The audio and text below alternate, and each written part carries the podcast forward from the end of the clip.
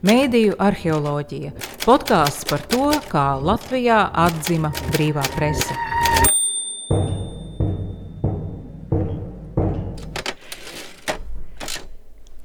Tātad mūsu viesņa šoreiz studijā ir Nelija Ločmele, kurai ir bijusi ļoti būtiska loma tajos notikumos, kas ir saistīti ar Latvijas mēdīju attīstību, kur ir bijusi nauda un politika.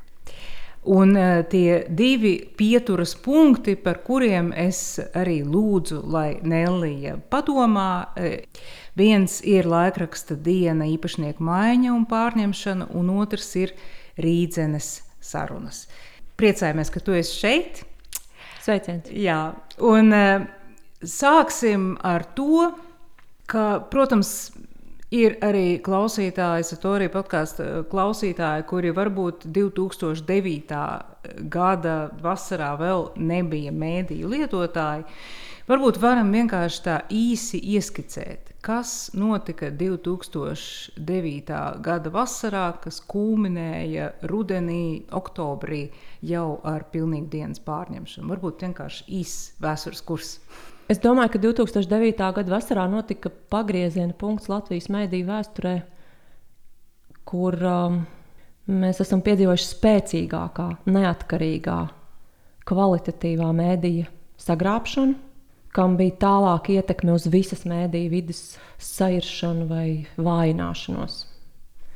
Jo, ja mēs paskatāmies uz kopainu Latvijas mēdījos, tad, protams, sabiedriskajiem mēdījiem ir milzīga loma Bet, ja mēs skatāmies uz to privāto mēdīju lauku, tad nav mums Latvijā bijis spēcīgāka spēlētāja ar tik lielu, pieredzējušu un neatkarīgu komandu, kā tas bija dienā, kas varēja strādāt gan uz ziņām, gan uz pētniecību.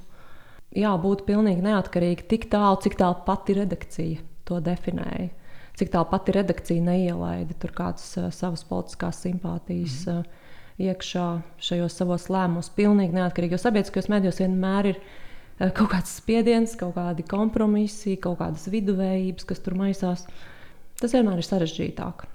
Bet um, tādā lielā kvalitatīvā mēdījā, kuram turklāt bija ļoti caurskatāmi īpašnieki ar uh, spēcīgu vēsturi un aizmuguri, kāds bija Boniera grupa dienai, bija ļoti daudz iespēju strādāt. Un dienas, domāju, tajos ilgajos gados uh, to izmantoja. Un, uh, ne par velti tas diena kļuva par oligārhu mērķi.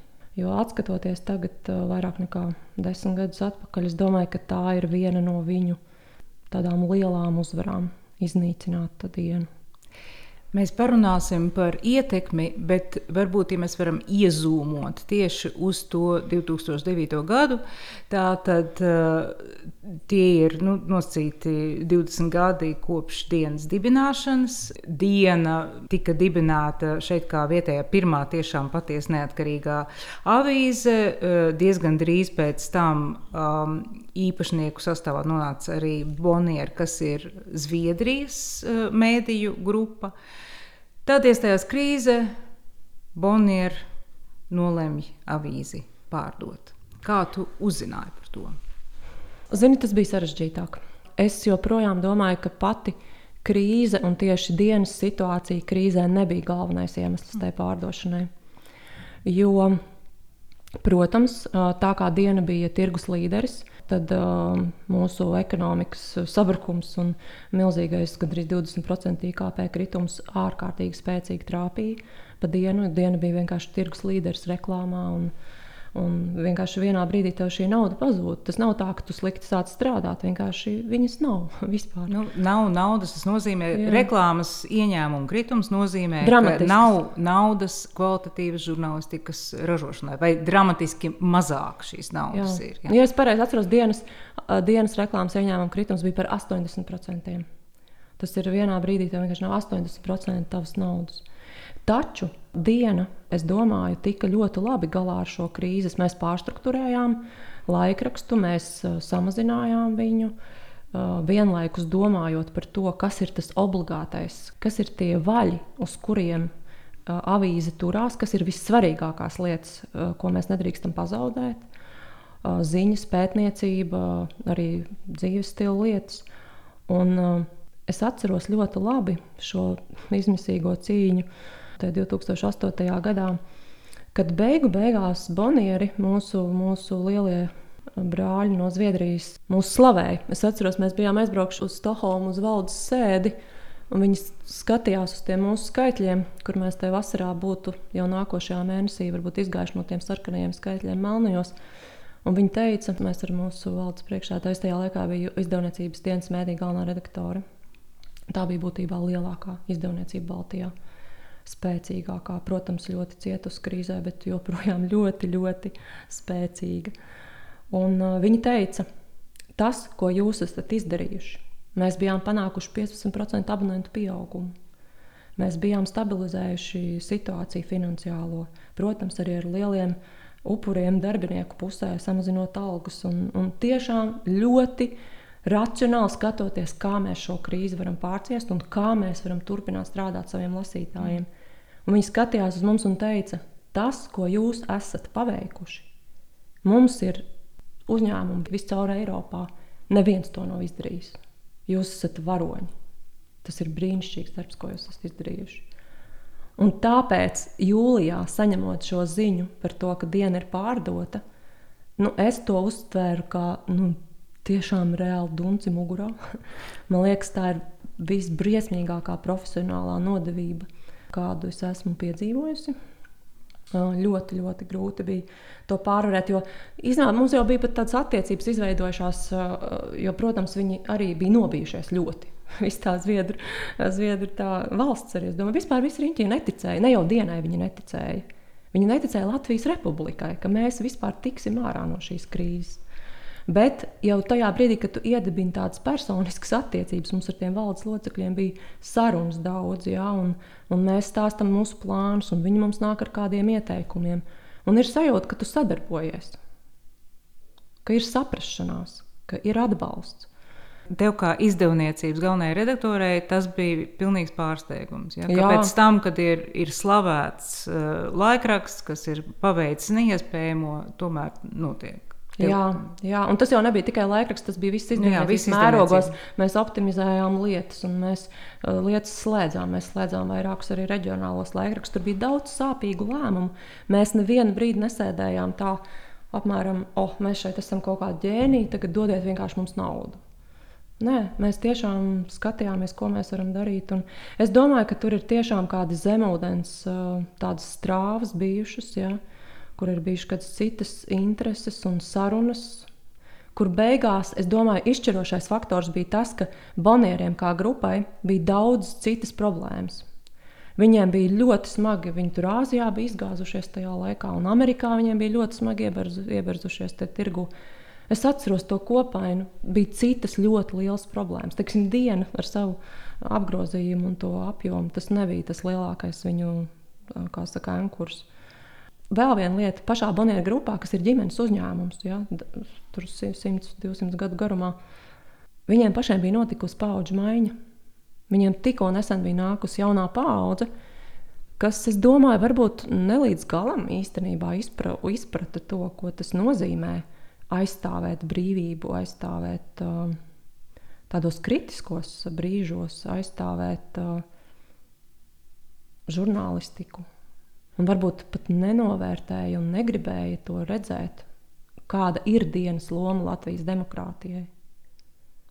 Tātad tie ideāli, kuri teiksim, 90. gados izpaudās ar to, ka ekspresē no, nopublicēja uh, Latvijā tapušu uh, komentārus pirmās lapas, tāpēc, ka Latvijā tas nebija iespējams, un šeit savukārt izplatīja laikrakstu ekspresēm. Tātad uh, šāda veida žesti liecina par izpratni par to, ko nozīmē brīvā žurnālistika šādā valstī, kas, kas audzē demokrātiju un izpratni par brīvo presi tie ar paudžu maiņu uh, mainījās. Jā, izpratni jā es domāju, tur jā, tāds vairāk tāds playboy stils.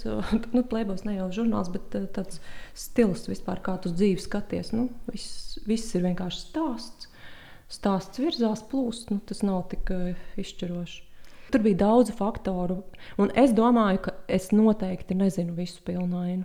Šī ir viena no lietām, par kurām es reizēm aizdomājos. Es tiešām ļoti gribētu līdz savas dzīves beigām saprast, kas tieši notika.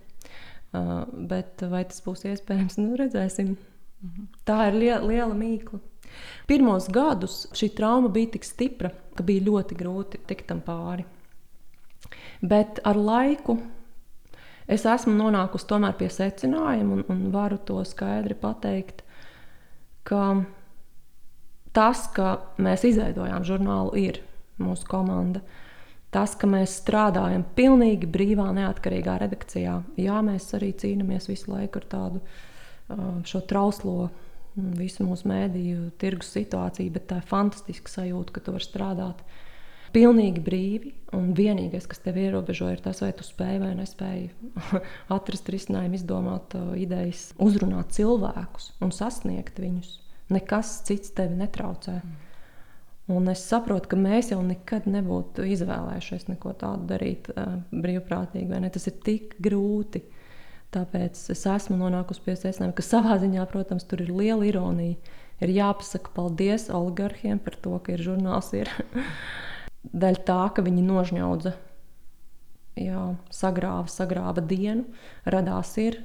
Un tur ir ironija, ka, ka pēc gadiem mēs bijām tie žurnāls, ir tas, kas nopublicēja oligarhu sarunas Rīdzenē, kurās mēs tajā skaitā varējām redzēt arī, kā notika dienas sagrābšana. Jā, nu tieši tāpēc jā. es uz šiem abiem notikumiem skatos eh, kopsakarībās. Ja? Jo uh, dienas sagrābšanas tas sākuma punkts bija tāds, ka diena ir pārdota, ir duncis mugurā, bet neviens nezina, kam ir pārdota. Un tad ir unikāla situācija Latvijas vēsturē, kad laikraksts raksta pats par saviem īpašniekiem, uzdodot jautājumus, arī publiski pieprasot caurspīdību par šo notikušo darījumu. Vai tu atceries, kā tika pieņemta redakcionāla lēmuma tieši tajā situācijā, kad ir jauni īpašnieki, mēs nezinām, kas viņi ir? Es arī tobrīd strādāju uh, dienā. Ja? Mēs nezinām, kas viņi ir, mēs viņus mēģinām atrast, un mums neizdodas. Īstenībā tā liekas, ir tik interesanta situācija. Es, vai tev liekas, ir kāds līdzīgs piemērs? Bijis? Nē, nav. Es katrā man ziņā nevarēju iedomāties. Man liekas, tas bija pilnīgi unikāli, jo tur bija tāda tāda schizofrēniska situācija īstenībā. Jo no vienas puses, man liekas, mums kā redakcijai bija ļoti grūti pieņemt un saprast, priekš manis pašas personīgi tas bija milzīgs solis, kad es beidzot sapratu, ka diena nav mūsu diena. Jo, kad tu strādā redakcijā, kad tu pieņem lēmumus par šo saturu, un kad tu brīvi esi pieredzējis darboties, tev liekas, ka tas ir tavs laikraksts. Ir sevišķi kolēģiem, piemēram, kā kolēģim Paulam Raucepam, kas ir uh, bijis pie dienas izveidošanas no pašiem pirmsākumiem. Protams, ka mums visiem likās, ka diena pieder mums, bet tā jau nebija. Tā nebija. Un tajā brīdī, kad tev nomainās šī īpašnieka, un turpretī ir uh, nezināms, tāds, nu, tāds plīvurs, kur tev visu laiku melo, kur tevi māna, kur tev cenšas visu laiku kaut kā iespiest stūrī un apvest, apvest ap stūri, ja? manipulēt ar tevi, izmantot tevi kā tādu aizsagu dūmu. Jā, tas bija viss trakākais. Tāds, tāds atziņa, ka es sapratu, ka diena pieder īpašniekiem. Un viņi var darīt tiešām, ko viņi iedomājās. Un viņi arī noteikti panāks to, ko viņi ir iedomājušies. Un atzīt to un ātri saprast, tā ir viena no svarīgākajām lietām, kas man šķiet bija. Mums jāizdara skaidri, ieraudzīt realitāti, nemelot pašiem sev. Bet tos pirmos mēnešus, jo nu, dienas pārdošanas darījums notika jūlijā, un mēs jau aizgājām tikai oktobrī. Šos mēnešus notika grūta cīņa. Pirmais bija tiešām tā, tā nespēja pieņemt to, ka Te ir kāds cits, kas tagad nāks un kaut ko mūsu komandēs, un kaut ko te. Un es atceros, piemēram, sarunu ar uh, Aleksandru Traumaku. Viņš ir kādreizējais dienas direktors kurš bija jau sen prom no uzņēmuma, bet tagad viņš atgriezās un tas viss tika pasniegts tā tāds menedžmenta bajauts. Kaut gan viņš nebija ne menedžments, ne, ne tur bija bajauts. tur nebija neviens, nekas no tā. Bet viņš bija tas, tas īpašnieku pārstāvs. Viņš arī bija tas, kurš mums visu laiku stāstīja. Katru reizi bija kaut kāda jauna versija, kas tur no kurienes ir tā nauda. Jo mēs zinām, Aleksandrs, tev nav naudas, no kurienes ir šī nauda. Ja? Un tad vienmēr bija kaut kādi stāsti eh, nesaprotami. Un tad beigu, beigās tas nonāca līdz tiem rolēm. Bet nu, bija skaidrs, ka tur aizmugurē tiek kārtot, izmisīgi domāts, kā to visu noformēt. Un tad jā, nu, bija šīs sarunas. Mēs pat vienā brīdī nonācām līdz tam, ka Mēs īstenībā bijām atraduši fondu, kurš ir starptautisks fonds, kas tieši nodarbojas ar to, ka viņš sniedz palīdzību grūtībās, krīzē nonākušiem mēdījiem, pat cik krīze jau bija globāla. Un mēs bijām viņus uzrunājuši un izstāstījuši to savu stāstu. Un viņi īstenībā piedāvāja, ka, ja īpašnieki ir gatavi mums pārdot to avīzi, tad mēs to varam pirkt. Viņi būtu iedevuši mums naudu. Un tad es skatos atpakaļ, tas bija tik naivi. Ja mēs, mēs tikai iedomājamies, ka oligāri beidzot ir tikuši pie dienas, un mēs tagad nākam un sakām, nē, mēs gribētu tomēr atpirkt. Jo, nu, priekš kam jums viņa vajadzīga? Jo es atceros, tās sarunas jau bija skarbas. Nu, eh, tas, tas traumas, piemēram, tiešā tekstā teica, ka kvalitatīva žurnālistika, nu, tas vispār ir, eh, tas, tas nav tas, kas, ar ko var pelnīt. Nav, tas nav ilgspējīgs biznesa modelis, jā. bija viņa vārdi. Jā. jā, tieši tā, tas nav ilgspējīgi. Un, un tur jau nāca kat, katru brīdi spiediens. Mēs jau esam saveduši kārtībā mūsu izdevumu sadaļu. Ja? Mēs esam iztīrījuši visu, ko lieko, ko mēs varam. Un nāk, saka, nē, jums ir vēl jānogriež tik un tik. Es saku, kāpēc mums ir jāgriež? Mēs tūlīt būsim pa nulē. Mēs vispār esam izdarījuši neiespējamo. Mums jādomā, kā mēs vēl ieņēmumus varam palielināt. Mums nav nekas tālāk jāgriež. Mēs vairs nedrīkstam griezt. Tur jau nav nekā lieka. Tur jau ir jau, jau sirdi griež ārā. Un viņš saka, nē, mums to vajag. Un, ne, un nevar paskaidrot, kāpēc. Tu saproti, ka tur nav racionāli tādu iemeslu. Tur ir tas spiediens vienkārši, ka tu, tev nāk virsū un tev cenšas īstenībā patiešām šo trauslo, savākto situāciju atkal destabilizēt. Lai tā būtu dziļāka krīze.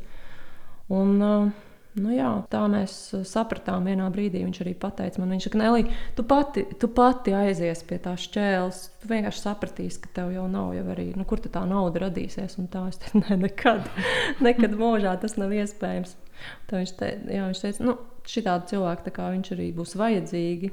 Kā to mēs te tādu naivie kaut kādu redakcijas cilvēku, ko mēs tur varēsim. Un, Nu jā, tātad tas bija bezprecedenta situācija, ka redakcija pati, eh, pati kļuva būtībā par top ziņu Latvijā, rakstīja par nesaprotamajiem, nezināmajiem īpašniekiem. Jā, saki, Zini, ne tikai Latvijā. Es atceros, es taču biju arī, man liekas, bija gan Igaunijā, gan Lietuvā. Jo tas bija tik liels notikums Jā, visā bija. Baltijā, ka uh, žurnālistu organizācijas vienkārši aicināja runāt par to. Es atceros, stāvam kaut kādā uh, tiešām neatceros, tas bija Lietuvā laikam. Pilna telpa ar redaktoriem, izdevējiem. Visi ar milzīgām acīm skatās, un saka, ārprāts, jūs tiešām jūs esat krīzē, tagad aizgājuši no redakcijas. Oh, kā tas tā ir iespējams? Tad tu soli pa solim stāsti, ka mēs jau neesam vienkārši aizgājuši. Mēs sapratām, ka nav iespējams tur palikt. Nu, Tāpēc, ka tas, kas notiks tālāk, paskatoties godīgi situācijai acīs un vienu soli tālāk padomājot, Viss, kas, un, un oligarhu sarunas pēc tam to parādīja. Viss, kas viņiem bija vajadzīgs, ir nostartēt abonēšanas kampaņā, savākt naudu. Un pēc tam vienkārši iztīrīt to redakciju. Un kā jau mēs tālāk redzējām, tur jānomaina tādu cilvēku un šādu, un jābeidz viss čakarēt eh, smadzenes visiem. Nu, jā. Tas Bet bija tā, soli pa solim. Jā, tā, tā, ka mēs, mēs no sākuma naivi cerējām, ka te, te ir kaut kāda kļūda notikusi un ka to vēl var labot. Tad pamazām saprot, ka tev melo un ka tur ir slēptas intereses. Un tajā brīdī, kad šīs slēptājs īpašnieks jau sāk traucēt strādāt. Es atceros, bija paralēli skandāls ar šo Air Baltica daļu pirkšanu, ja, kur flikam no kurienes bija pēkšņi nauda nopirkt šo.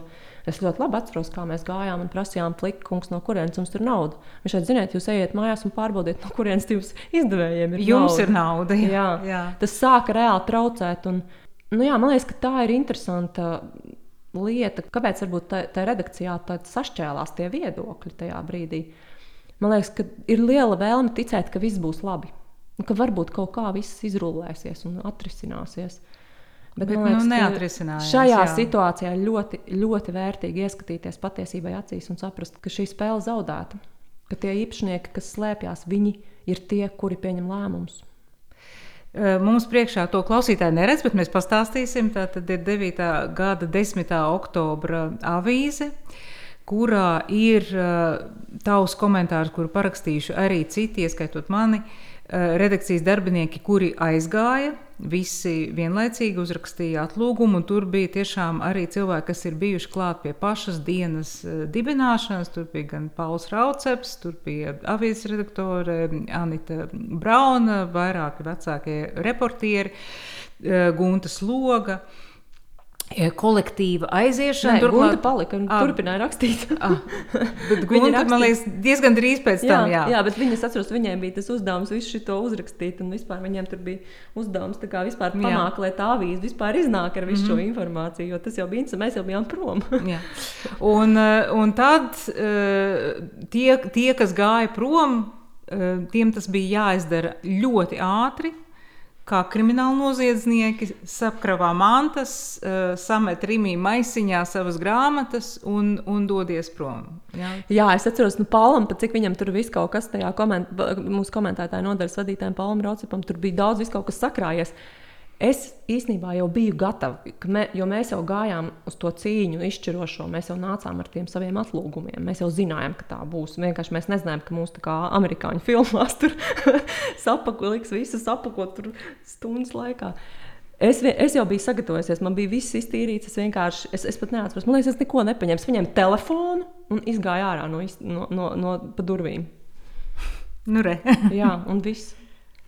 Nu, bet tagad uh, savalkam kopā šo un uh, rīdzenes sarunas uh, daudzus gadus vēlāk. Nu, tas norāda, ka saknes aug no vienas un tās pašas vietas. Ja? Tā tad naudas un politikas uh, ciešā draudzība Latvijā.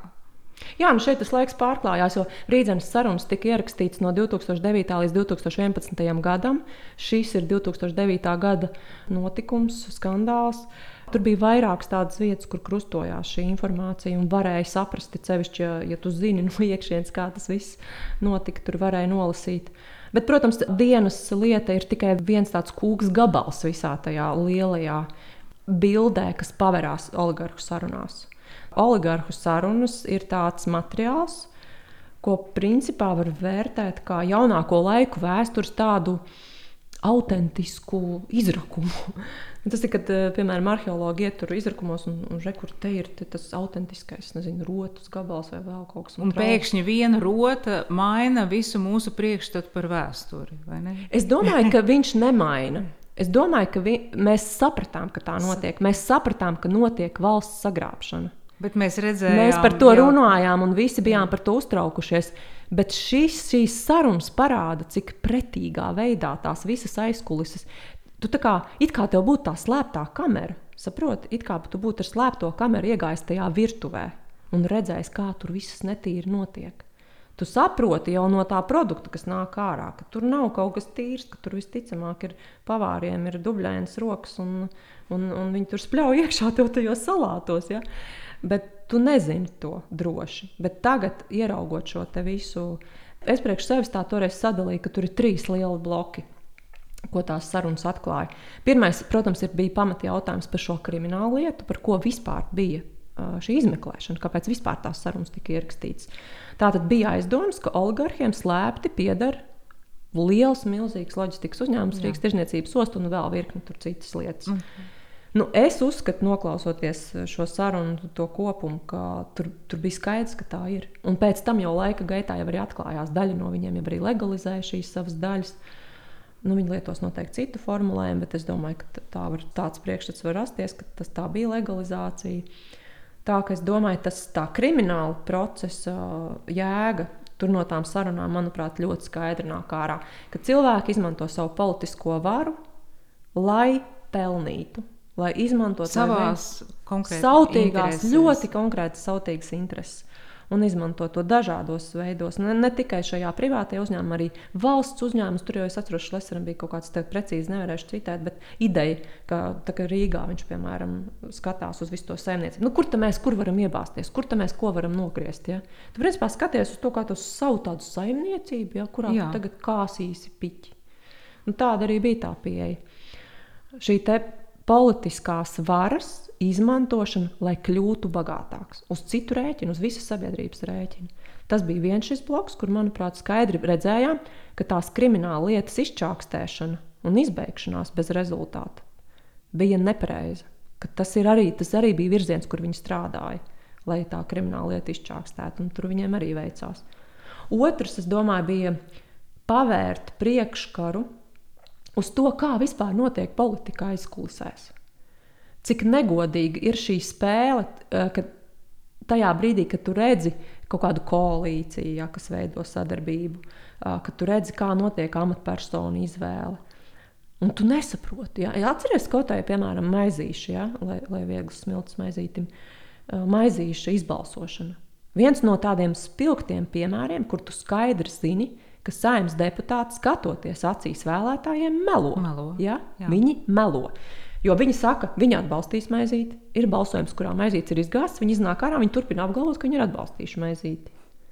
Bet tu nevari piekļūt. Un tad tev ir sarunas, jā, kurās, kurās dažām nedēļām redzi tās, tās aizkulisēs. Jā, jā, tu redzi tās aizkulisēs, un kā Šlesers šausmīgā sajūsmā, vai ne, priecājās, kā Lembergs, Aivars. Uh, ir sadavis par rīkliem, maizītim. Un, tur, un, un daudz šīs lietas, prezidenta izvēle, ministru izvēle, visas šīs koalīcijas. Lielākie kretīni un tā tālāk. Jā. Ļoti daudz. Jā. Un trešais svarīgais bloks, kas mūs varbūt varētu arī interesēt, ir tieši mēdīju kontrole, graušana, ietekmēšana, kas bija plašā spektrā. Protams, bija mēdī, kas viņiem pašiem pieder, ko viņi ir sagrābuši vai ko viņi jau ir laika gaitā mantojuši. Un, un, un izmanto vienkārši smadzeņu skalošanai, jo izmanto kā savu propagandas rīku. Un diena šeit arī ierakstījās, vajadzēja dienu pārvērst par Kaut gan viņiem atceries, bija tādas iekšējās diskusijas, ka nu, nedrīkst tomēr to dienu pārvērst par tādu miskastu, tā kā kaut kāda neatkarīgā, kur neviens vairs neciena. Nē, nu, vajag... Jāizliekās tur un tā, un uz vēlēšanām ir, ir vēl ir jāpadomā.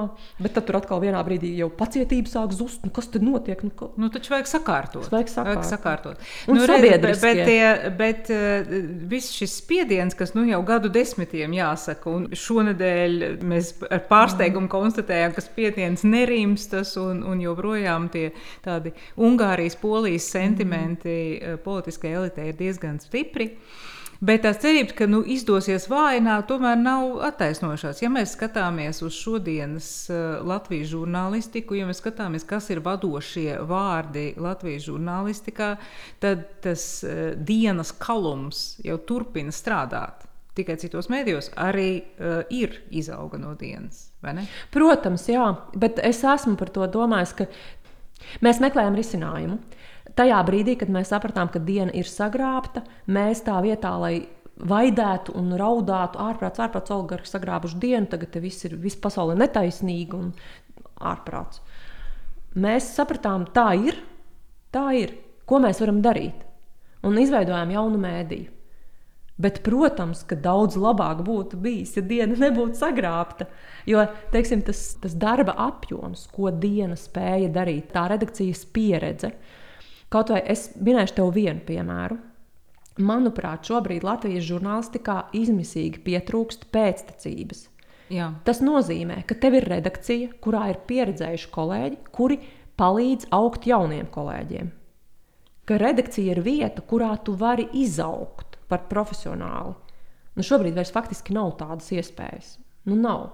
Sevišķi, kas attiecās uz drukāto presi, ja, kas ir, manuprāt, tāds nu, pamats un maize, ja, nu, ziņu žurnālistika, pētnieciskā žurnālistika, kur tu centies noskaidrot lietas, un tev ir arī laiks, un cilvēki un platība, kur to darīt. Ja. Tev nav tāds saspiests, ja, ka tev ir jāuztais tur trīs minūšu sižets, ja, un kurā tev viss ir jāsapresē iekšā. Ja, un tev nākošā dienā atkal nāk jauns notikums, kur tev viss aizmirstās. Ja. Jā, nu tā ir, ka, protams, dienas pārņemšana notika tajā brīdī, kad tie, kas bija jaunie reportieri, 90. gadu sākumā, kad nodibinājās diena, jau bija izauguši, pieņēmušies gudrībā un, un varēja nodot savas zināšanas tālāk jaunajam reportieru korpusam. Jā, tas bija milzīgi. Tas, tā bija reāli tāda sistēma, mm, jā, profesionālā skola, kurā tu. Nu, es pat, piemēram, esmu labs piemērs. Ja es, es sāku, es, ne, labi, es nesāku dienā strādāt kā, kā reportieri, bet diena bija mans reportiera zelta laiks, mans, mans ražīgākais laiks, kur es nu, izaugu kā reportieris, kā žurnālists. Ja. Nu, pēc kāda laika es atgriezos un, un kļuvu par redaktoru tur. Un, un es domāju, ka šis, šī pēctecība un kvalitāte un arī tāda institucionālā atmiņa, Ka nav tā, ka atnāk kāds jauns kolēģis un viņam viss sāks no šodienas. Ja? Latvijas republika pastāv jau 30 gadus atjaunotā, ja? bet viņam viss sākas šodien. Un viņš neatpazīst uh, darbojošos personu vārdus, Jā. teiksim, no, viņš no nezina, viņš, nezina, viņš nezina, kas bija pirms 10 gadiem, kas bija pirms 20 gadiem. Viņš pat nezina, varbūt, kas bija pirms diviem mēnešiem. Un viņam konkrēti tas nav pārmetums. Tas ir ok. Mēs taču neviens nepiedzimstam ar visām šīm zināšanām. Bet ir jābūt redakcijai, kura to zina un saprot. Citreiz saku, man liekas, es kļūstu tāda vienkārši kašķīga kaut kāda. Nu, veca tāda neapmierināta, nikna. Uh, dusmīga mm, redaktore, ja, kura visu laiku skat, nu, es, es skatos to ziņu kvalitāti, kāda mums šobrīd ir tā ziņu plūsma. Es ar viņu kategoriski neapmierināta. Un es zinu, ka dienas uh, redakcijas pastāvēšana, diena kā laikraksts, tas būtu citādi. Tas būtu citādi. Dienas pirmā lapa joprojām nozīmētu, tas būtu jēdziens. Dienas otrā lapa būtu jēdziens. Visas šīs lietas, kas mums uh, sabiedrībā ir atņemtas, Un, un tās atņēma šie cilvēki, šie oligarhi. Viņi tās atņēma. Un viņi mums daudz ko ir atņēmuši, bet uh, mēs tāpēc nonācām 2011. gadā pie šīs situācijas, kurā bija sajūta, ka viņi tūlīt arī to valsti mums atņems. Un tad, tad jā, notika ārkārtas vēlēšanas, gods, lūzuma punkts. Un, un es jau nenoliedzu, ka ir ļoti labas lietas notikušas. Es domāju, ir tiešām šī pārmaiņa Latvijā pamatīgi un galu galā šobrīd, kad mēs šeit runājam, Aivars Lembergs eh, kopš februāra atrodas cietumā. Un tieši diena uzstājīgi gadiem rakstīja par Lembergu un visiem viņa aizdomīgajiem darījumiem. Protams, un Jā. mēs arī Irā to esam turpinājuši, un citi kolēģi sabiedriskajos mēdījos, un nekā personīgi, un daudzi kolēģi ir tajā piedalījušies un turpinājuši. Mēs taisam parasti tādas prognozes Irā izvēlamies kāds interesants jautājums, kas nākošais gads notiks. Un es nezinu, man liekas, ka kāds piecus vai sešus vai vairāk gadus mums visu laiku bija jautājums, vai Lemberga notiesās. Nu, pirmajā instancē. Un pirmo, šogad beidzot ir tas spriedums. Es nezinu, mums kaut kas jāizdomā. Nu, Būs jāizdomā jaunas, jāizdomā jaunas formulējums. Mums kolēģis Aivars Ozoliņš jau te ieskrējies, un viņam jau viegli visu formulēt. Tagad viņš ir jāizsits viņa no līdzsvaru. Būs, protams, apelācijas instance būs, un tas nav galīgi katrā ziņā eh, atceroties bezgalīgās redakcijas sapulces eh, arī no mana laika dienā, kad es biju biznesa ziņu redaktore, un cik tur tika ielikt dzīves laika un, un enerģijas un negulēt nakšu tieši rakstot par, eh, par Lembergu, un, un, un, nav, un, nav, un nav rezultāta. Tas, protams, ir. Nu, tas parāda, ka protams, kvalitatīva žurnālistika ir lēns process Un šajā ziņā tā kontinuitāte, par ko tu runā, ir arī ļoti svarīga. Ļoti svarīgi, jo tad tu vari būvēt tālāk. Nekas netiek nu, sagrauts. Man liekas, šeit ir tāds salīdzinājums līdzīgs kā mums Latvijā ar pašu valsti un ar varbūt dzimtas mājām un, un, un dzimtām vispār. Ja? Tajā brīdī, kad karš vai okupācija vai, vai šādi milzīgi traģiski pārāvumi, tev sašķēda valsti, sašķēda dzimtu. Tev viss jāsāk no jauna. Ja? Es citreiz esmu aizdomājies par to, nu, tie paši Zviedrijā vai, vai citur valstīs, kur ir valdījis ilgu laiku miers un kur ģimenes sapulcējās Ziemassvētkos un, un ēd no veciem porcelāna traukiem, kas ir mantoti pirms 200 gadiem. Ja? Mums daudzas lietas ir tādas, kur visu laiku ir jāsāk no sākuma. Un tas prasa tik lielu enerģiju kaut ko sākt no sākuma. Un tur ir gan labs, jo varbūt mēs kaut ko izdarām vieglāk, nevis vieglāk, bet uh, vienkāršāk, skaidrāk, efektīvāk. Kaut ko nometam nost kaut kādu čaulu, kaut ko, kas velkās līdzi. Bet tur ir arī daudz lietu, kur, kuras mēs pazaudējam, un kuras atkal ir jāmēģina uztaisīt. Un, um, jā, tā ir tāda liela cīņa, kas. Uh, ļoti daudz enerģijas aiziet, kuru, kuru varētu veltīt uh, tiešajam darbam, tam rezultātam, uz ko tu ej, tam, ko tas lasītājs var iegūt. Ja tev ir daudz jāizmanto, jāizmanto tā enerģija citām lietām. Teikšu paldies Nelijai. Nelija Ločmele ir. Uh, žurnāla ir galvenā redaktore, bijusi dienas mēdīņa izdevniecības galvenā redaktore, un arī bijuši citi amati, par kuriem mums neizdevās, nepaspējām parunāt. Bet nu, šīs bija ļoti liels tēmas, kuras paņem daudz laika. Paldies! Tev. Paldies! Podkāstu tapšanu finansē Mēdīju atbalsta fonds. Klausieties arī pārējos šīs sērijas podkāstus un lasiet rakstus Satorijā.